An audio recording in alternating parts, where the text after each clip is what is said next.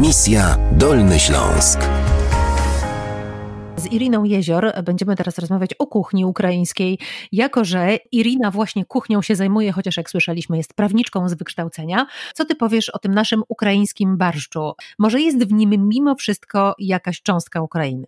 E, no cóż, no przede wszystkim to jest nazwa ta sama, natomiast jeżeli Aha. chodzi o e, smak, to jest, e, przyznam, że no, mocno różniące się składnikami. Tak? Ja pamiętam, że byłam w zupełnym szoku, jak zobaczyłam mrożonkę w sklepie pod tytułem barsz ukraiński i zobaczyłam składniki typu e, seler, typu e, fasolka zielona, taka pocięta w kawałki. E, to są dla nas warzywa bardzo nowe. Powiedzmy, znamy to od powiedzmy 20 lat jako nowość, to się pojawiło. Natomiast tych rzeczy nie znamy i już na pewno nie dodajemy do naszych takich typowych przepisów.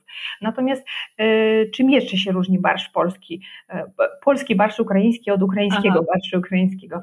W Polsce mm, robi się dużo, dużo bardziej e, buraczkowaty, tak? czyli ten kolor e, buraczków jest piękny, natomiast Prawdziwy barszcz ukraiński jest bardziej pomidorowy niż buraczkowaty, czyli jest taki gęstszy, jest dużo właśnie tych składników gęstych, warzywa różnego rodzaju. A jakimi klientami są Polacy? Jesteśmy takimi ludźmi z wybrednym podniebieniem, czy nie?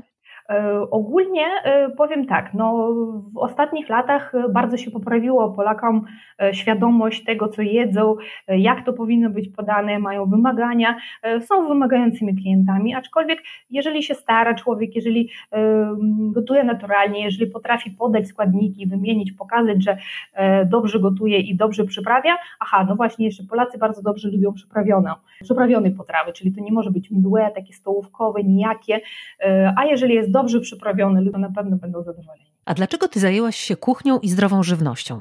Właściwie to tak wyszło przypadkiem. W czasach, kiedy powstawała nasza restauracja, koleżanka e, pozostała bez pracy. Koleżanka bardzo dobrze gotowała, ja miałam jakieś inne umiejętności, no i postanowiłyśmy połączyć siły i stworzyć coś takiego innego, e, czego nie było w tamtym czasie we Wrocławiu. Irina, na koniec chciałabym zaprezentować piosenkę naszym słuchaczom. Piosenkę e, zespołu Skriabin pod tytułem Mam. Przesłuchałam wcześniej tej piosenki, no i powiem szczerze, że jest bardzo wzruszająca. Czy ty tę piosenkę dedykujesz swojej mamie? Tak, oczywiście. Ja też się zawsze bardzo wzruszam, kiedy ją słyszę.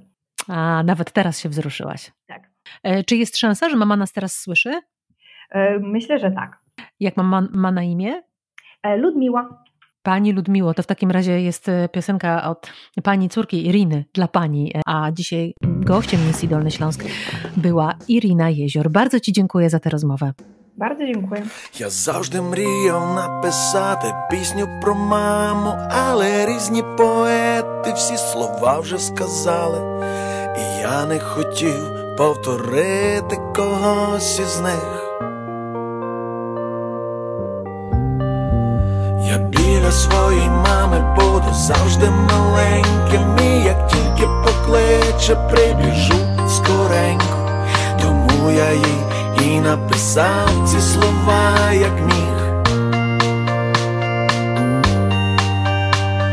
Мам, ти мене вибач, що я став дорослим, і вже минула сорок третя осінь, як я побачив перший раз свій дім. Може, трохи пізно став її розуміти, і не часто дарував на день народження квіти.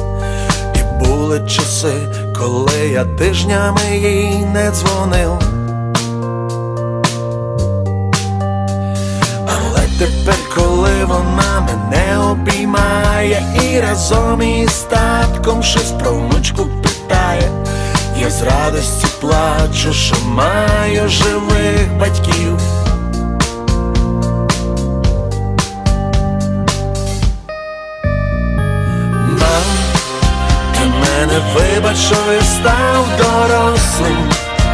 Вже минула сорок третя осінь, як я побачив перший раз свій дім.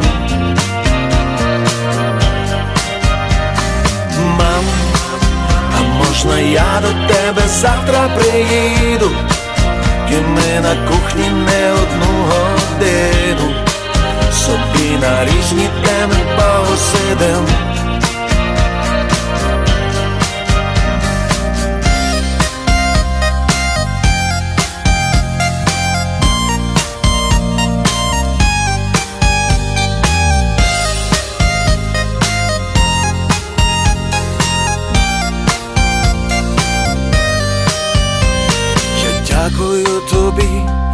То, що я вмію, і я дякую тобі за те, що я розумію ті речі, які не пояснюють навіть в книжках. Хай буде біля тебе завжди ангел-хранитель, і я теж десь буду завжди бродити, щоб не міряти наше життя в телефонних дзвінках.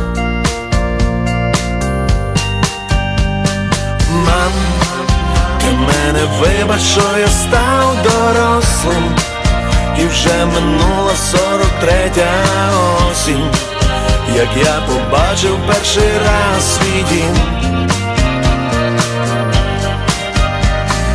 Мам, а можна я до тебе завтра приїду, і ми на кухні не одну годину. Собі на різні теми посидим